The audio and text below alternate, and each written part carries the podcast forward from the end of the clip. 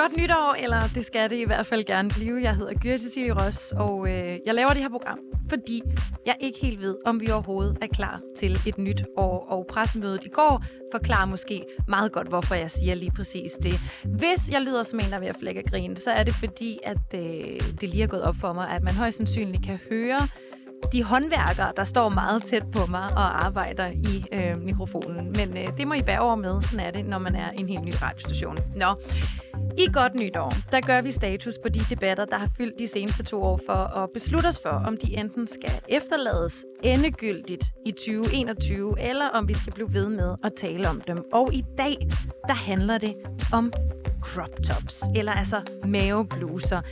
Det er nemlig som om, at vi kan blive ved og ved med at diskutere, hvilket tøj kvinder må og navnligt ikke må have på, åbenbart også i 2021. I hvert fald så var det i august, at diskussionen om skolepigers bare maveskin, hedder det, ramte stort set alle medier, altså fra BT til Berlingske og også alle de sociale af slagsen.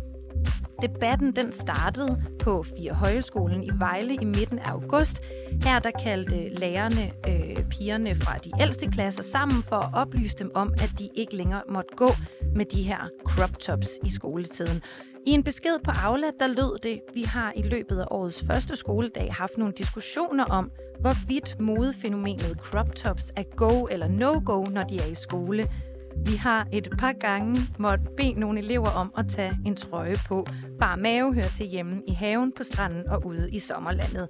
Og nu skal jeg sige øh, velkommen til mine første to gæster, der begge to er gavede debattører inden for lige præcis det her felt. Det er dig, Louise Kjølsen, der måske er bedre kendt som Twerk Queen. Du er psykolog, forfatter og feministisk debattør. Velkommen til dig. Tak skal du have. Øhm, nu har vi et fedt underlæg, men øh, du må lige sige til, hvis det er, det distraherer alt for meget, det her med øh, den her boremaskine, der, der kører. Men jeg synes ikke, man kan faktisk høre boremaskinen. Det kan du ikke? Nej. Okay. Om det er super, så er det kun mig. Øh, det, var, det var bare en masse musik, jeg kunne høre i stedet ja, for. Ja, ja. Og det var også lækkert. Nå, hvad hedder ja, det? øhm, nå, Louise, øh, du skal jo ikke kun være herinde i studiet på telefonen øh, sammen med kun mig øh, Anne-Sophia Hermansen, som er kulturkommentator på Berlingske, kommer også med. Men jeg kan forstå, at der lige er lidt vrøvl med teknikken, så derfor så vil jeg starte med at spørge dig. Mm. Hvad tænkte du, da du hørte øh, om den her debat første gang? Jeg tror, jeg tænkte, are you fucking kidding me? Altså, er det her en joke? altså sådan, post MeToo, post fire bølger af, af, af feminisme, står vi stadig og snakker om, hvorvidt kvinder må tage det tøj på deres krop, som de vil. Og er det virkelig bare kvindemaver, som har fået nogen op i det røde felt? Jeg, jeg tror, jeg fik lige sådan en reality check, hvor jeg lige nævnte mig selv i armen og var sådan, bor jeg i Saudi-Arabien? Nå nej, det gør jeg ikke. Jeg bor i Danmark. Okay, det, det er simpelthen kvindemaver, som vi er vrede over. Og der er simpelthen en, en reel debat om, jeg tror, det der var mest surrealistisk for mig var, at det virkelig en samtale, øh, hvad kvinder må tage på deres kroppe af tøj okay, godt, det, det er simpelthen noget, vi, vi sådan med et straight face debatterer i 2021. Men det er jo en ret vild sammenligning, du laver. Nu sagde du Saudi-Arabien. Altså det her, det, ja. det, det er bare, bare maver. Øh, hvad mener du med den sammenligning? Jamen, at jeg egentlig havde en forestilling om, at vi, altså, at vi var lidt længere her i Danmark, at, øhm, at en bare kvindemave ikke øhm, Øh, kunne få nogen op i det røde felt, eller kunne få nogen lærere til at føle sig distraheret, eller nogle øh, mandlige elever til at føle sig distraheret, og at diskussionen om, at vi som samfund må beslutte, hvad kvinder må tage på af tøj, var noget, vi forhåbentlig for længst havde lagt bag os, fordi selvfølgelig må alle tage det tøj på deres krop, de gerne vil. Så jeg tror for mig, så handlede det, øh, så handlede det allermest om, at det i seriøsitet blev et spørgsmål, vi diskuterede. Fordi for mig var det ligesom, det er lidt ligesom, når nogen spørger, øh, når man, skal vi have fri abort i Danmark? Ja, selvfølgelig skal vi det. Skal vi diskutere det? Nej, selvfølgelig skal vi ikke det. Det er en menneskeret. Punktum. Slut. Det har vi allerede kæmpet for. Det skal vi ikke ligesom reevaluere. Så jeg tror, at det var sådan en underlig, øh, underlig surrealistisk position at stå i, at der faktisk var nogen, der, der helt alvorligt mente, at det her var noget, vi skulle diskutere. Så lige så meget, altså crop tops af også en menneskeret, hører jeg mig selv sige, men Jamen, jeg tænker mere, altså ideen om, at alle mennesker må tage det på, de vil, og ideen om, at maveregionen på nogle mennesker kunne være så farlig, eller så distraherende, eller så upassende, eller så seksuel, at vi i det danske samfund, hvor vi jo faktisk har en lovgivning, der siger, at man gerne må være nøgen alle offentlige steder, bare man ikke er seksuel. Mm. Altså, vi har et samfund, der juridisk set kan adskille det seksuelle og det nøgne, så undrer det mig, at vores, øh, at vores kulturelle diskussion ligesom begynder at blande de her to ting sammen. Især når det handler om børn. Altså, men, men det er måske også lidt der, hvor, øh, hvor noget af diskussionen opstår, altså det her med, hvornår noget bliver seksuelt eller ej. Og, og det synes jeg, Louise, vi skal vende tilbage til. Men fordi jeg jo lovede dig, at du ikke skulle være herinde alene med mig, mm. så øh, har jeg også nu... Det havde jo været kedeligt. eller havde det det? øhm, men øh, jeg har altså også nu fået besøg af dig, anne Sofia Hermansen. Du er kulturkommentator på Berlingske. Velkommen til. Tak skal du have. Og jeg bliver nødt til også at høre, hvad du tænkte, da du hørte om denne her debat første gang, altså om Crop Top Gate. Altså, jeg synes, det var en af de der debatter, hvor man kunne se på utrolig lang øh, afstand, at øh, den ville blive landsdækkende. Og det var fordi øh, skolelederen, han øh, sagde, at der er faktisk forskel på, øh, på kvinder og mænds beklædning. Hvis det nu var sådan, at skolelederen uden for Vejle, han havde sagt, der gælder nogle bestemte regler for den her uddannelsesinstitution. Det gælder både for drenge, det gælder for piger. Det gælder for drenge. Vi gider ikke se jer i bare overkrop. Vi gider heller ikke se jer sidde med dynejakker på eller med kasket. Og det gælder for jer piger, at øh, vi ikke vil se jer øh, i crop tops. Så havde der ikke været en stor debat. Men problemet var, at han sagde, det her det gælder for pigerne. Drengene bliver mm. distraheret, når de ser jeres bare maveskin. Altså, mm. Og det er der, hvor Louise Kølsen, øh, hun så selvfølgelig kommer på banen og fuldstændig berettiget siger, det går altså ikke, at vi diskriminerer. Det går altså ikke, at vi også ruller alt frihedskamp tilbage, så snart vi har opnået og øh, fået forskellige landvindinger, at vi så giver afkald på det hele. Det, som vi skal huske på, det er, at der er jo ikke nogen, der forbyder de her unge kvinder at gå rundt i crop tops. Det kan de gøre i deres fritid. Og det var det, der også var skolelederens øh, melding. Det var, der er en tid for alt. Der er en tid for, øh, om du går i crop top, når du er på vej til stranden, når du er i din fritid, eller når du er i en uddannelsesinstitution. Det samme gælder med kødkjoler, paljet øh, på brystvorterne, og det samme gælder små tankertrusser. Der er simpelthen beklædningsregler for den her uddannelsesinstitution, som skolen er. Her koncentrerer vi os om læring, ikke om at se ud, som vi nu engang mener vores personlige selvrealisering ønsker, at vi skal se ud. Vi går mere eller mindre bare klædt, så vi koncentrerer os om uddannelsesinstitution. Men det er en sjov debat også, fordi den, den kører jo bare en skillelinje ned øh, gennem de yngre og, yngre og de ældre. Ikke? Altså yngre synes, det her det er en frihedskamp, ældre synes også, det her det er en værdikamp. Og der jeg hører jeg så til det ældre hold, øh, der værner om institutionen og den slags ting og Louise Kjølsen og mange andre, og jeg har sympati for mange af de argumenter, der er på den anden side, siger, come on, altså lad nu være med at diskriminere kvinderne, bare fordi de har noget labert maveskin. Og hvis vi så lige skulle høre fra institutionen, så er det jo altså ham her, Bjarne Kynep, som er skoleleder på Fire Højskolen, øh, der også er blevet interviewet flere gange. Han kunne ikke være med i dag, men en af de ting, han sagde, øh, lød sådan her det vi jo egentlig gør, øh, prøver at gøre, det er at prøve at gøre de, de unge mennesker til den bedste udgave af sig selv. Og, og også, kan man sige, være bevidst om, øh, kan man, øh, at man også med det tøj, man tager på, der sender man nogle signaler, øh, ligesom til andre. Og, og, og alle signaler er ikke rigtigt i enhver sammenhæng. Der hørte jeg et suk. Louise, kom det for dig? Ja, ej, men det var jo bare den gode klassiske, dit tøj sender signaler og grunden til sukker. Det er jo fordi, en af de klassiske steder, man hører det her argument, det er jo i voldtægtsdebatten. Når nogen siger, jamen hvis du tager så kort en kjole på i byen, så er det jo din egen skyld. Du bliver voldtaget, fordi du sender nogle signaler. Og der, altså, der er jeg jo bare ikke abonnerer på ideen om, at tøj sender signaler på den måde. Og, og som AS også siger, altså sådan, det her det er muligvis en, en, en generations- eller en alders ting. Men jeg er så glad for, at vi ligesom kan stå sammen om at sige, øh, hvis der, det her det sagde min far altid til, eller det sagde jeg faktisk altid til min far som barn, fordi han forsøgte at lave dumme regler derhjemme. Ikke? Så jeg, hvis der skal være dumme regler, og jeg synes, det er en dum regel, for jeg synes sådan set godt, man kan gå i skole og have maveblus på. Ligesom jeg forsvarede mit speciale på, på Københavns Universitet i psykologi i en maveblus. Det gik fint. Ingen blev distraheret. Alle, alle, øh, ingen blev voldtaget. Alt gik godt.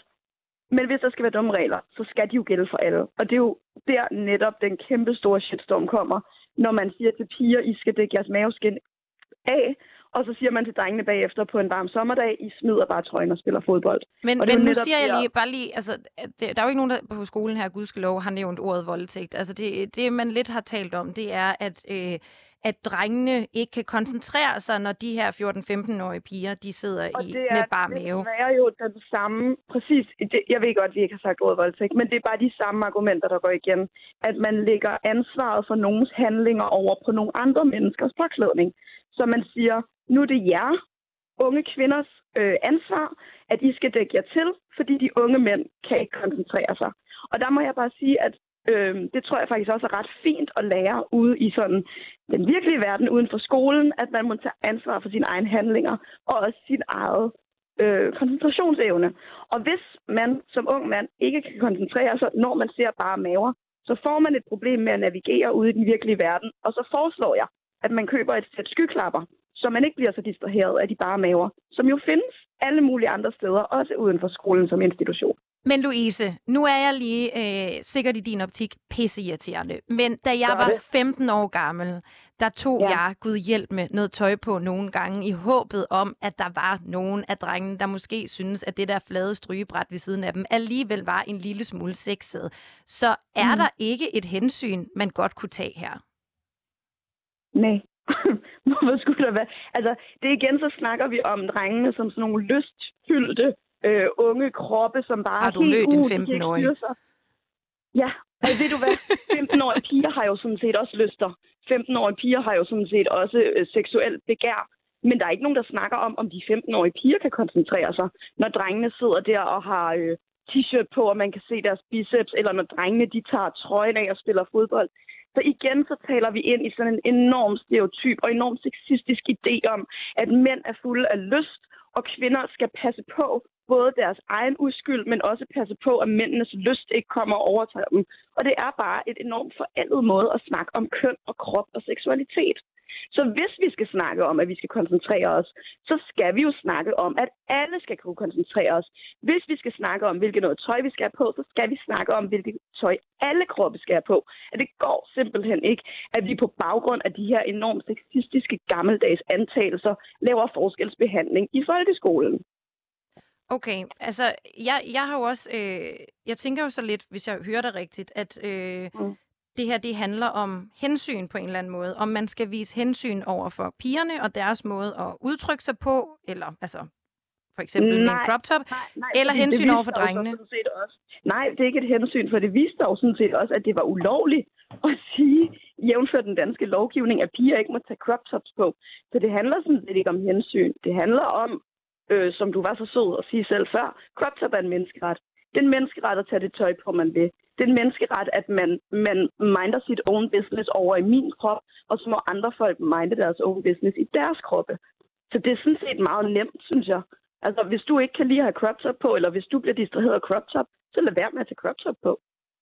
Okay, så, så det her med, at vi udviser øh, hensyn både for unge kvinders lyst til at have, hvad de har på, øh, og, og et hensyn over for de drenge, der måske bliver distraheret, det er ikke noget, vi skal øh, afsøge mere. Jeg tænker jo bare, at man kunne måske have en, en øh, dialog, eller øh, nogle, øh, det ved jeg ikke, nogle tips og tricks til øh, not to get distracted af en, øh, en mavebluse. Altså, men, men Nej, det, men det er da super fint, hvis dem, der bliver distraheret, øh, øver sig ikke at blive distraheret. Fordi det er jo sådan set dem, der har et problem.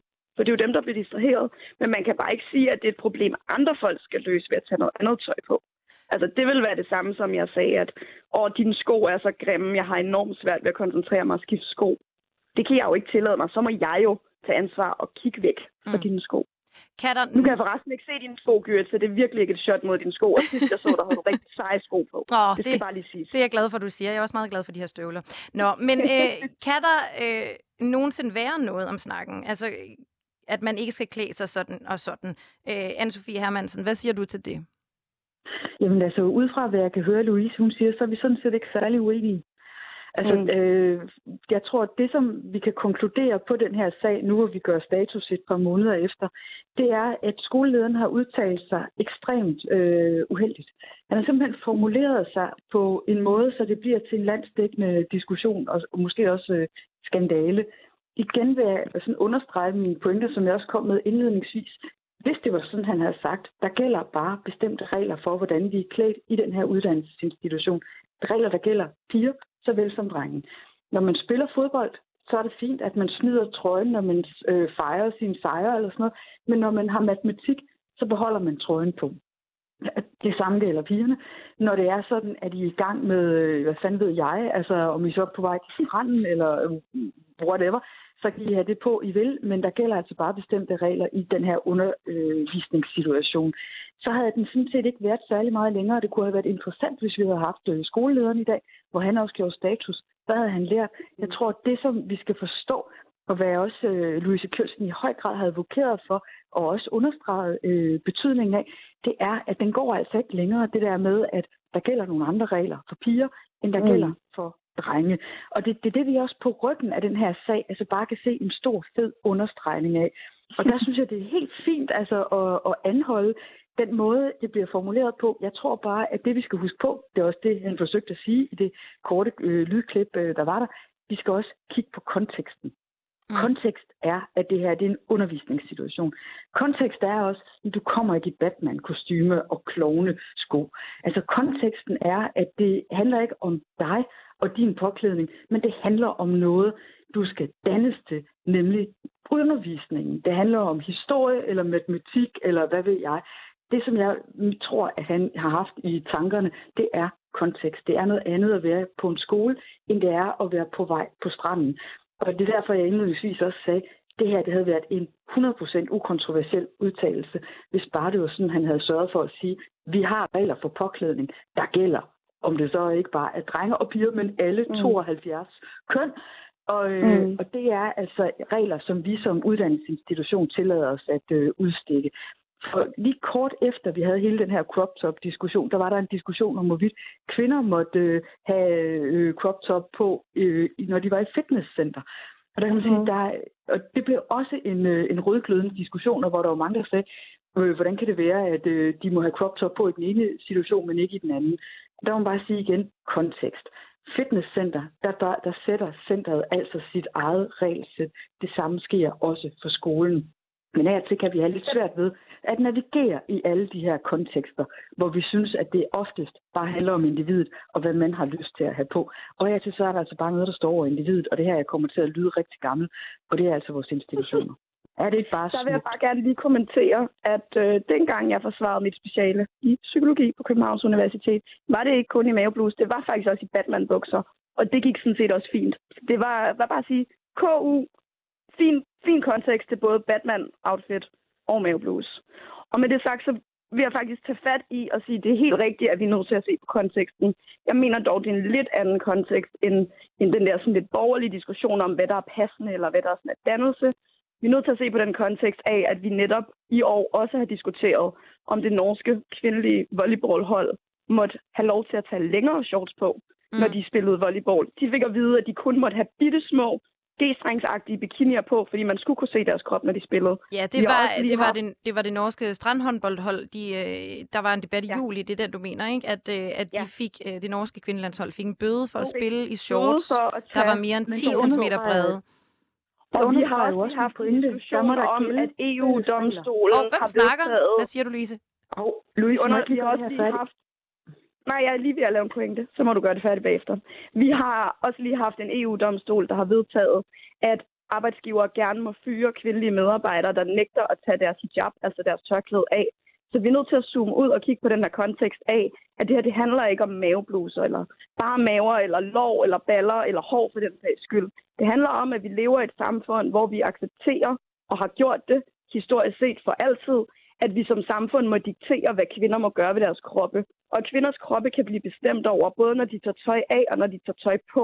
Så det er derfor, at vi som feminister rejser os op og siger, nu må det kraftede med valgløgn. Vi er i 2021, og vi er rimelig trætte af, at samfundet skal diktere, hvad vi må gøre ved vores kroppe. Men hører jeg dig så ikke også Men lidt altså, sige, at der... Må jeg ikke lige slå en pointe fast her, fordi altså, alting er ikke bare påklædning. Vi er nødt til også at se på kontekst. Med hensyn til den sag omkring de her øh, beachvolley-spillere, så var pointen jo mm. netop, at du må ikke diskriminere, du må ikke lade sige til kvinderne, I skal have sådan nogle små, super sexede g trusser på, mm. mens I spiller. men drengene, de må godt have kæmpe store øh, strandshorts på. Pointen var jo Mm. netop der, det skal være det samme. Den anden pointe Mhm. omkring det der med tørklæde, der handler altså om det religiøse symboler. Altså, der er også mange steder, hvor du ikke vil have, altså folk, de har en turban på. Altså, så, så det er som om, at du insisterer på... Der er at steder, synes, man ikke må tage kors det er på. for kvinderne, det gælder særlige regler for. Der gælder særlige regler jo. for religiøse symboler. Men Det er handler jo netop også om kvinders påklædning, det her. Man kan ikke, ad, man kan ikke adskille de her to ting. Men må jeg Man så ikke lige høre, Louise, hvad hedder det? Jo. Øhm, altså, hvis jeg hører dig rigtigt, siger mm-hmm. Mhm. du så netop ikke, at den her fyr, der kommer, øh, hvor vi siger, det er okay, ham her øh, fyren, der scorer sit mål, han smider trøjen i bare overkrop, men den bare overkrop, den hører sig ikke øh, nogen steder henne i naturfag eller matematik, eller hvad man nu har. Det er ikke Øhm, mig, der har sagt det. nej, nå, det er det- Esther, sagt Det er derfor, jeg spørger dig ad. Altså, det var fordi, jeg troede lige før, at jeg skulle til at sætte Ja. sådan noget sendmusik på, og at I to måske var meget Ah. enige. Det lød sådan. Øh, Ja. men, men, men hvis jeg så alligevel hører dig rigtigt, så vil du faktisk ikke sidestille den fyr, der kommer ind og tager altså, trøjen af til fodbold. Han skal ikke have den øh, af ind i klasselokalet, fordi du siger vel egentlig, at pigen hun må have en crop top på på alle tidspunkter af skoletiden. Ja, og det er jo netop der. Jeg synes faktisk, vi har haft en, en langt mere rørende øh, diskussion, end vi plejer at have. Øhm, men, men det er jo netop der, hvor vores, vores veje skilles mig af. At der er den generationskløft. Jeg køber ikke ind på ideen om, at, at der er noget bestemt tøj, der er passende i en læringssituation. Jeg, synes, jeg, jeg har gået i skole i, i 90'erne og i 0'erne.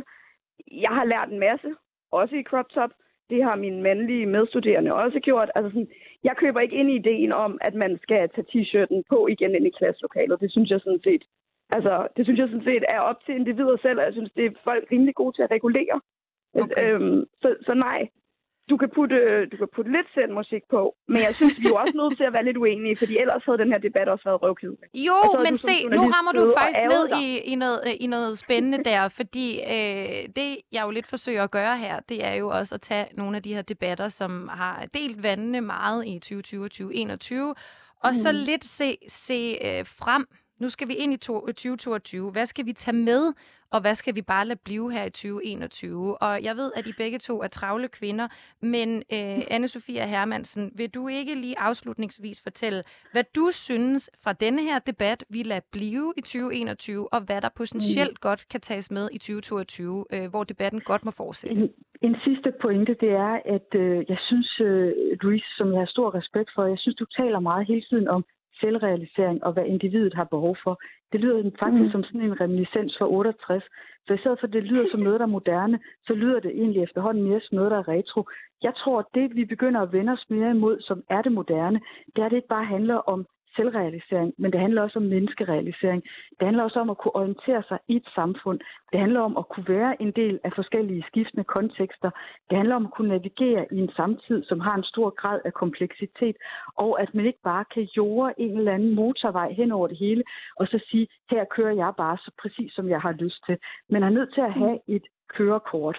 Og jeg tror, at den her diskussion, den bare ikke kun har afsløret nogle øh, generationskløfter, men, og vi kan diskutere herfra til julemorgen også omkring påklædning i forskellige situationer, men den, den har jo også vist os, hvor lidt villighed der i hele taget er til, at man giver nogen, der har en anden position, bare fem sekunders ret.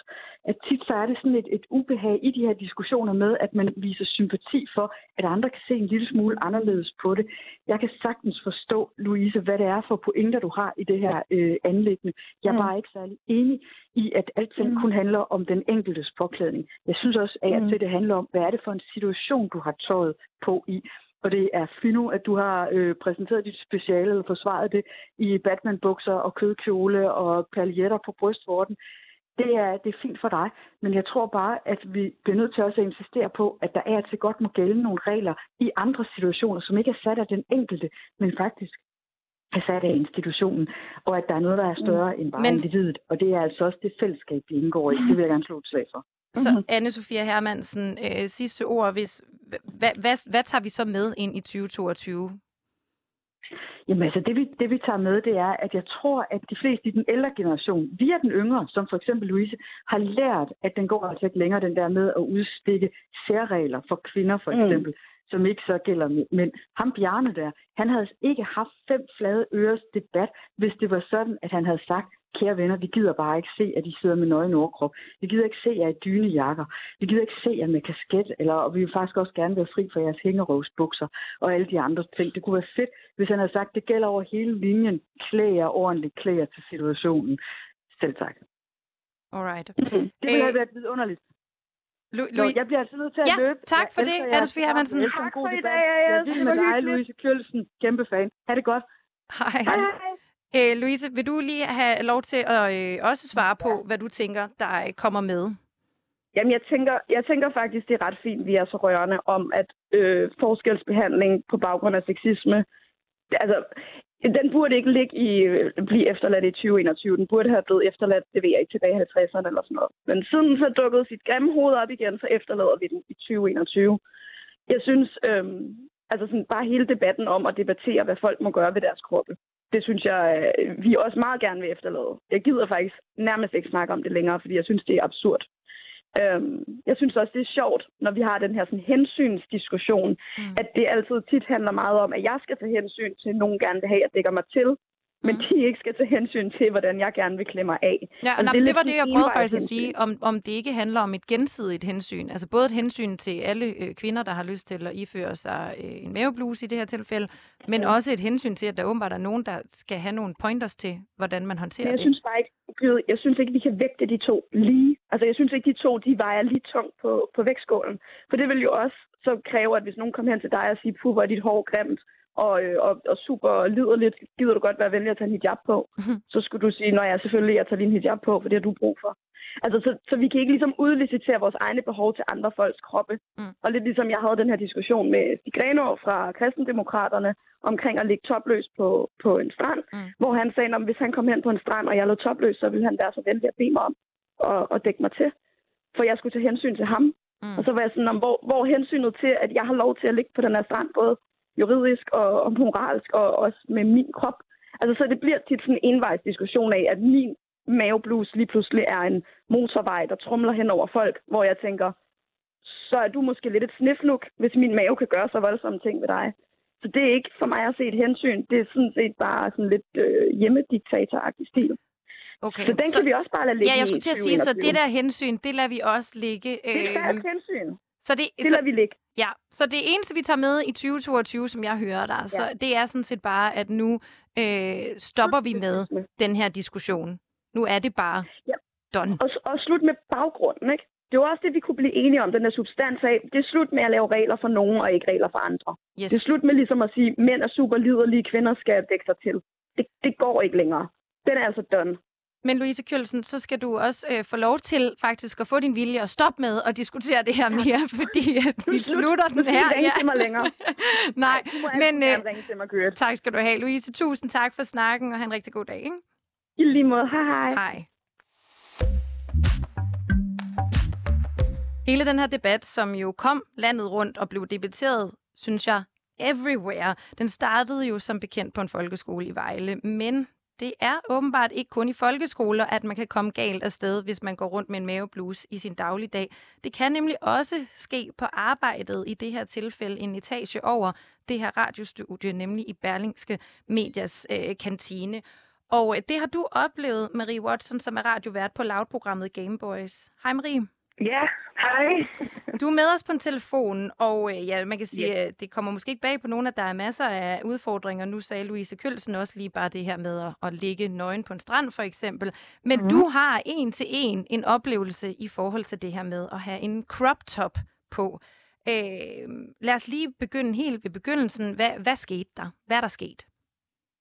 Jamen, det var faktisk øh, i sidste uge, så det er sidste mandag, ikke så lang tid siden, at øh, jeg står op i kantinen sammen med min øh, kollega Daniel, hvor at øh, jeg har en øh, crop top på og øh, højtalet bukser, så det går sådan lige over navnet, så det kan man ikke se. Så det måske 10-15 cm hud, man sådan lige kan se rundt om. Og øh, jeg står i gang med at få te, og øh, så kommer der en dame hen til mig, og hun kigger så meget intens på mig og sådan et, du ved, ligesom om der er et eller andet galt, og jeg kunne godt mærke, at, at hun ikke helt var tilfreds, eller der var et eller andet, der ligesom kiggede på. Og så kommer hun hen til mig, og så siger hun til mig, øh, jeg synes ikke, du skulle gå klædt sådan der. Og så kigger jeg sådan lidt, altså er det sådan mig, hun snakker til, altså hvad foregår der? Og du ved, hun bliver ved med at sådan kigge op og ned af mig, mens hun sådan står rigtig sådan, hun er helst ikke rigtig have folk lægger mærke til det, men man kan gerne høre hende, og man kan gerne se hende. Og så siger jeg sådan, okay, og så bliver hun sådan ved med at kigge, og så siger hun, jeg synes ikke, det er i orden, når du render rundt med det tøj der. Det er ikke, du ved, den form for tid. Øh, og så er jeg meget i chok, og er sådan lidt, næsten ikke ved, hvad jeg skal sige, fordi hun også bliver ved med at gentage sig, og så ser jeg også pænt til hende, at så det er godt, hun ikke er min mor, imens jeg så vender mig om og øh, fortsætter med mit te. Og så går hun. Altså i det, hun siger det til mig, så er hun sådan halvt på vej ud af rummet, når hun formår alligevel at sige det gentagende gange. Men du spørger, du spørger hende ikke, hvad hun mener med det, eller altså, jeg tænker i den der, eller bliver du bare helt paf? Jeg bliver fuldstændig paf, og normalt så er jeg jo også typen, der er sådan lidt, okay, jeg skal sige igen, og jeg skal forsvare mig selv. Men det kom simpelthen som en overraskelse for mig, for jeg har aldrig prøvet det før, og jeg er næsten ikke engang ved, hvad jeg skulle sige. Og jeg er jo en person, som sagt, der går meget op i, at man, øh, man, man snakker igen, hvis der er der nogen, der er på den måde overfor en. Okay, men så selvom at du ikke spurgte hende, hvad mener du helt præcist, så er du 100% sikker på, at når hun siger, at du skal ikke gå klædt sådan der, så hentydede hun til øh, det bare mavestykke, der var på dig? Ja, ja, hun sådan pegede på mig og kiggede sådan på min mave.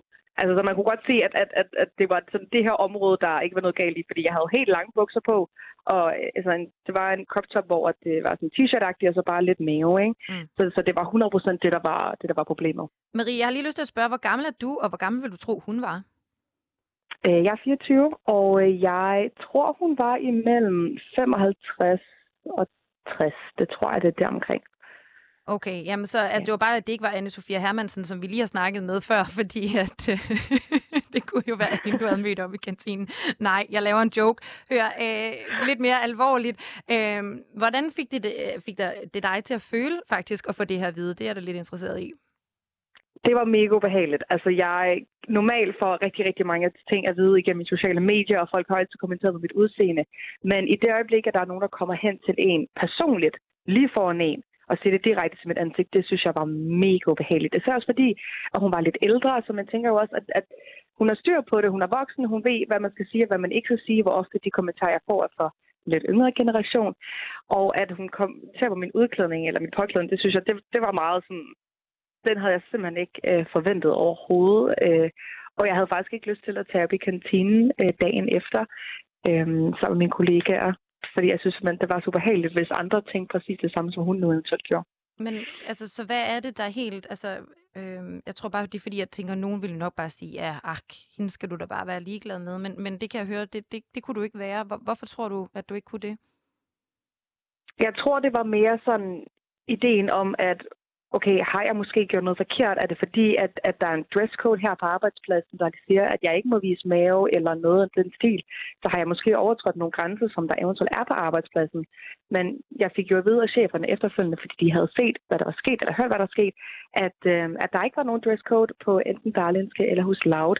Og det var ligesom også det, der ligesom sagde, okay, fint nok, så kan jeg godt gå op i kantinen igen. Ja, nej, Men fordi det, lige... det kan jeg jo ja. faktisk bekræfte nu, fordi øh, Lise Gleup, ja. der er HR-direktør i Berlingske Media, hun har desværre ikke haft mulighed for at medvirke i dag, men hun oplyser her til godt nytår, at Berlingske Media ikke har en dresscode direkte adspurgt ja. på sms. Øh, om hun så mener, at kritikken af din påklædning må, må stå ligesom for den pågældende anonyme medarbejders egen regning, der skriver hun også bare kortfattet, ja. Øh, så hvad tænker du så om det, nu hvor du ved, at der ikke er en dresscode? Jamen, så overrasker det mig, irriterer mig jo bare endnu mere. Altså, hun har virkelig sat mit PCK, fordi så synes jeg simpelthen ikke, at hendes, både hendes fremgangsmåde og det, hun siger til mig, øh, og, og, og, på den måde, hun gør det generelt, det synes jeg bare ikke er i orden. Især ikke, når det kommer fra, fra en voksen af. Altså, så hvis det er, at man synes, at min påklædning er ikke er i orden ifølge hende, så må man jo skrive en e-mail til min chef, eller hvem det nu end er, i stedet for at, at gøre det på den måde. For det var, det var simpelthen for lavset, at, at, at, at hun skal gøre det på den måde. Ja. Mm. Jamen, øh, tusind tak, Marie, fordi du vil fortælle din historie. Jo, tak. Tak fordi jeg måtte. Og øh, jeg håber at se mere til dig i crop top eller ej. Jo, tak. Hele ugen. Godt. Hej. Hej. Sendonen fra Everyday Sexism Project, øh, du er også med på en telefon. Kan du hjælpe os med lidt perspektiv på tingene her? Ja. Og altså, velkommen det, til, skal jeg måske lige starte med at sige. ja. Altså, hvad, hvad har sådan nogle oplevelser her af konsekvenser for eksempelvis unge kvinder?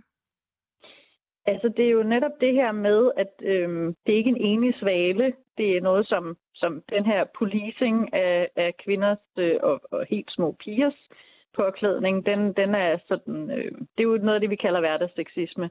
Og grunden til, at vi kalder det sexisme, det er, fordi der er forskel på, hvordan man øh, påtaler påklædning øh, af mænd og kvinder og piger og drenge.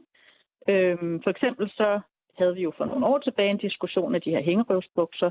Øhm, det ved jeg ikke, om det er blevet nævnt tidligere i programmet.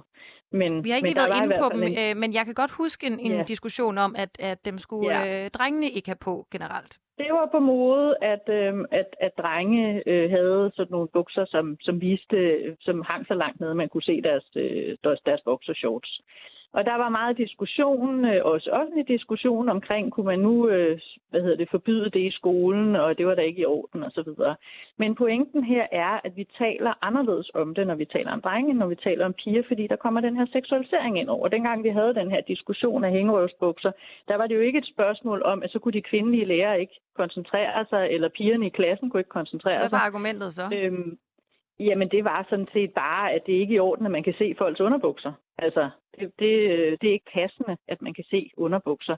Der var ikke noget, nogen diskussion af et seksuelt element, eller, eller pigerne i klassen og deres hormoner, som ikke øh, kunne styre sig osv., som der jo er meget ofte, når vi taler om det her med pigers påklædning og i øvrigt også kvinders påklædning. Mm. Men hvis vi nu holder os til det her, som handler om skolen, så, så er der jo det her med, at vi oplever meget, at der sker en meget tidlig seksualisering af piger, fra de er helt ned til 9-10 år. Når vi, når vi hører øh, dem, som skriver ind til os, for eksempel, de beretter, at det er der omkring, de oplever den her seksualisering af deres kroppe første gang, og det kan jo være i alle mulige situationer, men der er også nogen, som netop handler om det her med, at så er der en lærer, der er kommet med en bemærkning om, at øh, hvad hedder det, om de lige kunne tage noget andet, eller tage et eller andet over skuldrene, fordi man skulle ikke gå med stroptop, eller de her shorts er så korte osv.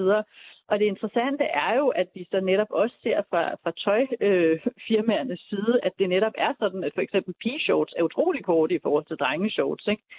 Øhm, så så der, er sådan, der er jo noget, som handler om, om mode, og det her med, hvordan det bliver blandet sammen med en, med en måske tidlig seksualisering, men der er også det her med, hvordan omverdenen har et forhold til pigers og kvinders kroppe, som handler om sådan en konstant vurdering af udseende, Øhm, og, og det er bare meget anderledes for drenge. Det er ikke fordi, det ikke foregår, men, men præmissen og grund, den grundlæggende holdning til det er bare anderledes, end den er i forhold til piger. Så det er sådan den der perspektivering, der handler om, at ja, øhm, der er jo noget, hvor, som taler for, at det kan da godt være, at man skal have nogle regler for påklædning, men, men det er også nødt til at tale om, at der altså er den her forskel på, mm. hvordan vi ser køn men er der øh, så ikke også det i forhold til, altså nu, nu, nu taler du øh, igen om, øh, om skoleelever, det er også dem, vi snakker om, men, men nu øh, talte jeg jo så lige øh, med en 24-årig Marie, som har haft øh, tilsvarende oplevelse på, på yeah. sit arbejde, altså sit, sin mm. voksne arbejdsplads, kan man sige. Yeah. Øhm, og, og vi har ligesom talt med Berlingske Medier her, der siger, at man ikke har en dresscode. Øh, mm. Er vi ude i, at man så burde have noget helt andet, nemlig en form for anti-shamings tøjpolitik? Nej, men altså det, det, der er ved det, det er jo, at der, du kommer jo også på en arbejdsplads nogle gange, og så siger det her, skal du have Føtex-uniform på, for eksempel, eller du skal have, øh, hvad hedder det, når du er politibetjent, har du også en uniform på, når du er sygeplejerske, er det også noget bestemt tøj, du går i, osv. Og, og, og det, som der er øh, interessant ved det, det er jo også, at vi netop ser nogle af de samme tendenser, som handler om, at når det er kvinders påklædning, for eksempel sygeplejerske uniformer, har der i mange år været en kritik af, at de simpelthen er lavet, så de nærmest er gennemsigtige. Øhm, og det er først for nylig, at man er begyndt at lave sygeplejerske uniformer på en måde, så man faktisk ikke kan se det, der er indenunder. Mm. Og det er lidt interessant, fordi, øhm, fordi der er hvad skal man sige, det er jo ikke fordi, en arbejdsplads kan jo beslutte sig for at have en dresscode, og der vil det jo, altså almindeligvis også være sådan, at det kan være sådan noget, man for eksempel tager op i et eller andet samarbejdsorgan, og så snakker man om, synes man, at øh, den der, er det der noget, der er behageligt at have på, eller er det praktisk, eller hvad det nu kan være, ikke? Men, men, og det er jo der, hvor man har den her argumentation fra skolens, øh, fra nogen skolers side, fra nogen for, hvad hedder det, voksne side, som handler om, at nu skal vi forberede de unge mennesker til voksenlivet. Men det er jo præcis sådan i voksenlivet, at der er nogle steder, hvor man har dresscodes, der er andre steder, hvor man ikke har dresscodes. Men det, som er en, en del af voksenlivet, det er jo også, at vi har nogle samtaler med hinanden om, hvordan skal tingene være indrettet, og hvad er smartest, og hvad er bedst, og hvad er det for nogen. Hvis man har kundekontakt, så er det måske smart, at det er sådan her. Mm. Og hvis ikke man har, så er det lidt... Der, der var en anden avisredaktion her i sommer, så jeg kan ikke lige huske hvem, om det var Politikens Hus, som sagde, at deres mandlige medarbejdere ikke måtte have shorts på, for eksempel. Mm. Fordi det var uprofessionelt, men det var kvinderne gerne måtte. Ja. Øhm... Altså, så, så der er jo hele tiden de her diskussioner, og det tror jeg ikke, vi kommer til at efterlade i 2021. Men det vi kan gøre, det er netop, at vi kan sige, jamen så lad os tage den snak også med eleverne. Mm. Altså det er jo også en forberedelse på voksenlivet. Det er, at vi unge mennesker, børn og unge mennesker, er rigtig interesserede i alle de her snakke. De er interesserede i at snakke omkring køn, når de bliver lidt større. De er interesserede i at snakke omkring seksualitet. De er interesserede i at snakke om racisme og homofobi og rigtig mange forskellige ting. Og vi skal bare lære af dem som voksne, at det faktisk er en måde netop at forberede dem til voksenlivet, at imødekomme den her dialog og sige, Nå, men så tager vi en snak om det, og så tager vi det måske op i elevrådet. For men eksempel, Sendone, nu, øh, af, andet, nu afbryder dig lige for, øh, ja. for simpelthen, og jeg ved da snart heller ikke, hvorfor jeg gør det, men for en kort stund lige igen at stikke tåen ned i, i det syrebade, øh, der er crop tops og øh, påklædningsreglerne på skolen. Fordi jeg har nemlig også dig, Lars Pilmark, med på en telefon. Hej. Nej. Du er skoleleder på Køge Privat Realskole, og nu er, vi jo, ja, ja. nu er vi jo lidt inde på det her med, om man kan, øh, altså man kan godt have en uniform i, i Føtex, så man har det som sygeplejerske, og så taler vi lidt om, om der skal være nogle regler øh, over for skoleelever. Har I en politik på jeres skole øh, for skoleelevers påklædning? Øh, ja og nej. Øh, vi, det har vi officielt, men vi er ved at lave den om. Okay, hvordan lyder øh, så... den nu, og hvorfor er I ved at lave den om? Øh, vi er ved at lave den om. Den lyder, den var, den var, den var sådan lige rimelig gammeldags, tænkte jeg. Den var 25 år gammel, og så synes jeg, at det er på tide at gå ind og kigge på den. Øh, jeg har ikke lavet den selv. Jeg har ikke været her 25 år. Øh, så, så det er selvfølgelig mit ansvar, men det er ikke min skyld, om jeg så må sige, hvis, hvad, hvad vi har. Men, men øh, jeg, øh, altså, jævnfør hele debatten omkring crop top, så fik jeg nogle henvendelser fra nogle elever, og det reagerer vi på, fordi vi synes, det er vigtigt, at eleverne har øh, noget at skulle have sagt og medbestemmende og alt muligt andet. Og lovpligtigt er jo også, at elevrådet var smadret dygtige, kom til mig og ville lave en, en, øh, en, en undersøgelse af, hvad, hvad, hvad deres egne elever sagde, og det synes jeg var, var den rigtige vej at gå. Men, men bare lige, hvordan var den før, altså siden de også kommer Jamen, til Men den var meget rigid, at man ikke må, der må man ikke have mavebluse, man må ikke have piercing, man må ikke have hanekamp, man må ikke have øh, kasket. Oh, det savner man ellers. Øh, Ja, ikke? Øh, okay. Jo, og, og, og hvordan, øh, hvordan tænker I så, den skal lyde nu? Jamen, det, det, det er faktisk, altså, du, jeg fangede os midt i vadestedet, ikke? Fordi vi, vi, vi gik så i gang, og eleverne fik selv lov at lave, eller gik, eller gik selv i gang med at lave en undersøgelse og komme over og frem på et lærermøde. Og, og, så, og så lavede, har vi lavet en gruppe bestående af lærere og elever, som skal prøve at formulere den her, som alle kan være tilfredse med. Nu er vi jo en privatskole, så vi har jo også nogle kunder, vi skal, vi skal kigge på, en bestyrelse, vi skal kigge på. Så det er ikke sådan alt, jeg bare kan sige, det er sådan, det bliver færdigt, bum, basta. Det er også i øh, orden. Men, men, det kan vi godt ja, leve med. Men jeg har lyst til at spørge dig, Lars Pilmark.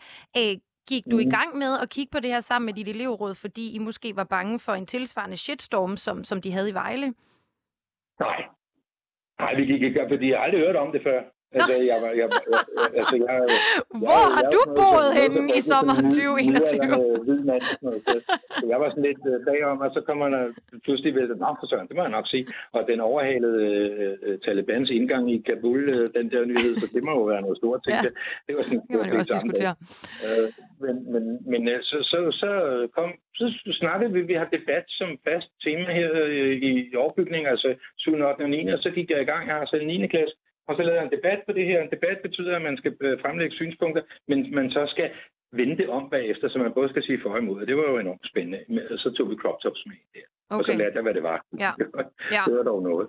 Øhm, Lige øh, sidste lille ben øh, i debatten, jeg ikke kan lade være andet end at tænke. Nu er det jo sådan, at øh, på en skole som for eksempel Herlufsholm, der øh, huser mm. elever fra 6. klasse til og med 3.G, der bærer man uniform, om man er dagelev mm. eller kostelev. Øhm, rektor på Herlufsholm skole, Mikkel Kjeldbjerg, han kunne jo ikke være med, men han har før sagt til Berlingske, hvis en elev møder op til undervisning i urelementeret tøj, så bliver de bedt om at tage mm. reglementeret tøj på. Hvis det var en crop top, ville de nok blive bedt om at skifte med det samme. Hvis det var på jeans, så ville de kunne vende til frikvarteret øh, for fortalte han. Ja. Nu har jeg også selv gået på en skole med uniform, dog i udlandet, og, og jeg kan se masser af, af fordele ved det.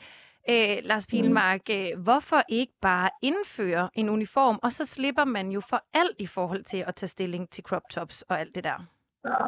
Det er ikke særlig dansk, tror jeg. Det, det, jeg kan sagtens se, hvad du siger, og jeg synes også, altså jeg, jeg hører også for og imod, altså det kunne da være meget sjovt. Jeg har også undervist i udlandet og set i uniformer, og de ser jo ikke ud som, de lider synderligt meget, de her elever, men, men altså, jeg synes, vi har en anden frihedsgrad herhjemme, og en anden øh, afslappet holdning til at være sammen i skoler. Øh, den der distance til mellem lærer og elev, synes jeg er, er fint nok, som den er med, med at, man, at man tager det tøj på, man har lyst til. Selvfølgelig skal man, kan man en gang imellem tænke sig om, om man altså, måske ikke rende en halvnøgen rundt eller sådan noget, tænker jeg, men, men, men altså, så, så, så synes jeg, at, at, at det er fint. Det passer fint til os her. Okay. Sendonen, øh, hvad siger du? Kunne skoleuniformer ikke være løsningen?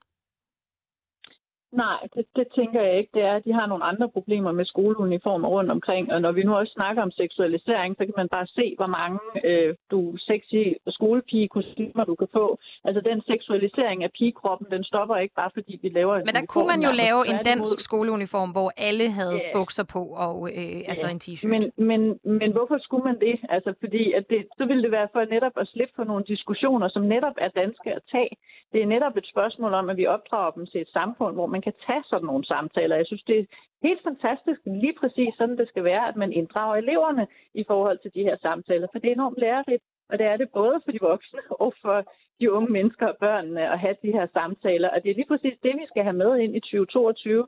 Det er, at vi er åbne mm. over for de her snakke. Selvfølgelig. Mm. Okay. Øh, så, så, så det vil sige, jeg, jeg får ikke min vilje. Altså, der er, vi, vi får aldrig den her skoleuniform indført øh, på de danske folkeskoler. Jeg kan ikke forestille mig, at det er andre end de der, altså netop Herlufsholm, og det har fred være med det. Altså det, det er jo noget, som de har også internationale elever og så videre, hvis man ønsker at sende et bestemt signal, så er det vel også en del af ens brand, det her med at have en skoleuniform. Jeg tror simpelthen ikke på, at det vil være noget, som der var nogle skoler, som ville synes var en god idé. Men hvorfor er det, det ikke er dansk? Altså, jeg tror, det er den, jeg nu, nu er egentlig inde på det begge to, at, der, at det ligesom ikke er noget dansk. Hvorfor ikke gøre det til noget dansk? Hvad, hvad er det, der er specielt dansk ved at have øh, sin egen Adidas trøje på? Vi har en meget pragmatisk tilgang til læring, ikke? Altså, jeg tror ikke, du lærer bedre af at have noget andet tøj på. Altså, det er hele tiden et spørgsmål om, om relationen mellem lærer og elev. Hvor godt du lærer, og det er det, vi er for. Altså, om du er hat på, hat på eller noget andet, det, altså, det tror jeg ikke betyder, betyder særlig meget. Mange ting, der ligger til baggrund for de der skoleuniformer. Der er noget omkring det her med penge. Altså har man råd til det ene og det andet, og man prøver på en eller anden måde at stille alle elever lige. Mm. Øhm, og Som jo er meget dansk, også, synes jeg. Ja, og det, og det er jo lige præcis der, hvor jeg tror, vi måske, måske har vi udstøvet opfattelse af, at vi i forvejen er lige, så derfor behøver vi ikke skoleuniformer. Altså jeg kan sagtens se, at der kan være argumenter for, men når vi nu tager handler om lige præcis det her med øhm, seksualisering, det er i hvert fald det perspektiv, jeg har, fordi det er det, jeg kan se, at der ligesom er blevet diskuteret omkring de her crop tops. Det handler jo om seksualisering. Så, så, så er det bare der, jeg siger, at det vil ikke være en løsning på det problem. Det vil det ikke, fordi så vil man jo netop ikke se alle de der øhm, pornofilm med skolepigeuniformer, vel? Altså, det, det, det er jo ikke... Du, du, det, det kan være, det er en løsning på et andet problem. Det skal jeg ikke kunne sige, men når jeg skal udtale mig om det i forhold til sexisme, så kan jeg ikke se, at det skulle være en løsning. Men så i forhold til det, øh, bliver, det er fordi, grunden til, at jeg jo øh, står her og er en form for djævelens advokat for, for øh, skoleuniformen, kan jeg godt høre, så er det jo fordi, jeg tænker, om vi nogensinde bliver enige om det andet. Altså, øh, den her diskussion omkring crop tops og hvorfor noget tøj, altså jeg tænker jo, halvdelen, vil de ikke altid tænke, at der skal være frie rammer for udfoldelse her iblandt også vores tøj, og så er der en anden halvdel, der ligesom spiller det her dannelseskort og mener, at alt har øh, et tid og sted, øh, hvilket også gælder vores tøj. Er det ikke der, vi stadigvæk står efter den her øh, diskussion nu har stået på i flere måneder?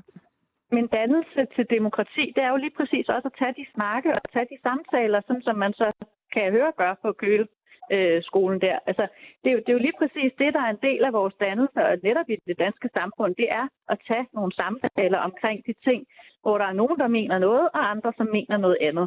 Og jeg synes, det er meget, meget oplagt i hvad skal man sige, i 2021, men også fremover, at tage de her snakke, som netop kommer til at handle om, jamen, ikke bare, hvad er passende, fordi det er jo selvfølgelig en snak at have, men også, hvorfor er det, vi snakker om noget som passende eller upassende? Hvorfor snakker vi om noget, som noget, hvor det kan være anstændigt eller uanstændigt. Hvad er det for nogle begreber, vi har i spil her? Hvad er det for en form for måde at se køn og seksualitet, når vi snakker om påklædning?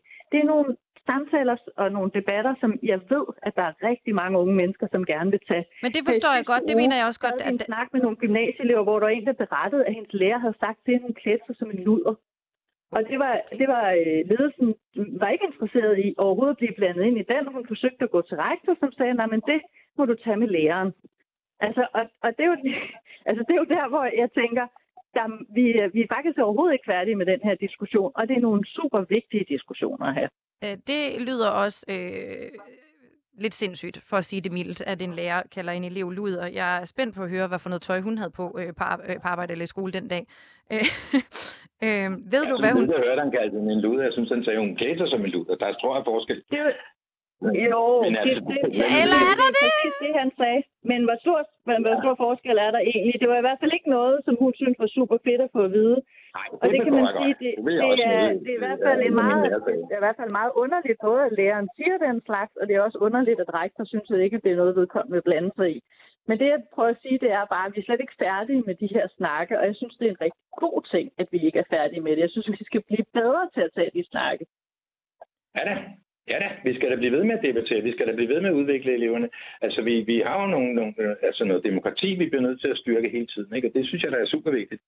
Så, så lige meget hvad for nogle emner det er, så lad os, lad os for guds skyld få dem debatteret og få, få lagt nogle synspunkter op. Og vi er vel super stolte af nogle elever, som bare stiller sig op på en lærerråd og lægger en, en survey frem med, med, med diagrammer og blokdiagrammer og alt muligt andet og siger, sådan og sådan har, har eleverne sagt, at de og de elever sagde sådan og sådan, og vi gør sådan og sådan. Altså, altså Ja. det, det, selv hele formen er jo fantastisk. Så, det, men det, så skal det jeg bare lige forstå, nogen- og også fordi, at øh, jeg jo skal til at runde af øh, nu desværre.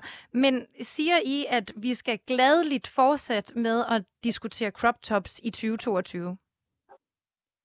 Vi skal blive ved med at have en åbenhed over for at snakke om, om påklædning og, og hvad hedder det også, hvad hedder det, den måde påklædning påvirker os i forhold til køn og seksualitet. Det er absolut noget, vi skal blive ved med at snakke om. Okay, og hvad sagde du, Lars Pilmark? Jeg, jamen, altså, jeg, jeg synes, jeg, altså, det, der var interessant for mig, det var at opdage, at det her var faktisk ikke noget sådan specielt issue for eleverne, men de ville da gerne tage det op, og når jeg nu nævnte det, eller når, når de havde hørt om det, så synes de måske også, det var dårligt. Det fyldte måske mere hos i medierne, end det rent faktisk gjorde hos dem, som det gik ud over i godsøjne. Mm. Øh, og mine elever er meget, meget normale, hvad det angår, og, øh, men, men, men, øh, men bestemt skal vi da have en diskussion. Det synes jeg, det synes jeg der er super spændende. Så I deler ikke den her øh, holdning til, at det er simpelthen så øh, skide trættende, som Louise Kølsen tidligere var inde på, at vi skal blive ved med at, at diskutere, hvorfor noget tøj piger især har på? Det, jeg, jeg tror desværre ikke, vi kan efterlade det i 2021, fordi folk har de holdninger. Mm. Fordi altså, et drømmescenarie er selvfølgelig, at vi overhovedet ikke snakker om de her ting, fordi der ikke er noget at snakke om. Men problemet er, at det stadigvæk, der stadigvæk er noget at snakke om. Og med de Men ord... min indgang er jo lige så meget formen, altså det der med, at man i hele taget taler med de unge mennesker om, omkring, hvad der sker. Ikke? Altså, Mm. Okay. Og de er mange gange mere progressive, ikke? Altså det der med, at så er der en, en skolelærer, som siger, at drengene ikke kan koncentrere sig, men der er masser af unge mænd og drenge, som siger, det vi har da overhovedet ikke noget problem med at altså, slappe dog af, eller hvad man taler på Jeg vores bliver vegne. simpelthen ikke? nødt til at korte jer af nu, hvad hedder det. Men jeg er rigtig glad for debatten, og fordi I var med. Men øh, jeg siger farvel og tak nu til Lars Pilmark, der er skoleleder på Køge Privat Realskole og St. Donut for Everyday Sexism Project. Også tak til Marie Watson, der er radiovært på Radio Loud-programmet Gameboys. Louise Kjølsen, psykolog, forfatter og feministisk debattør, og anne Sofia Hermansen, der er kulturkommentator på Berlingske.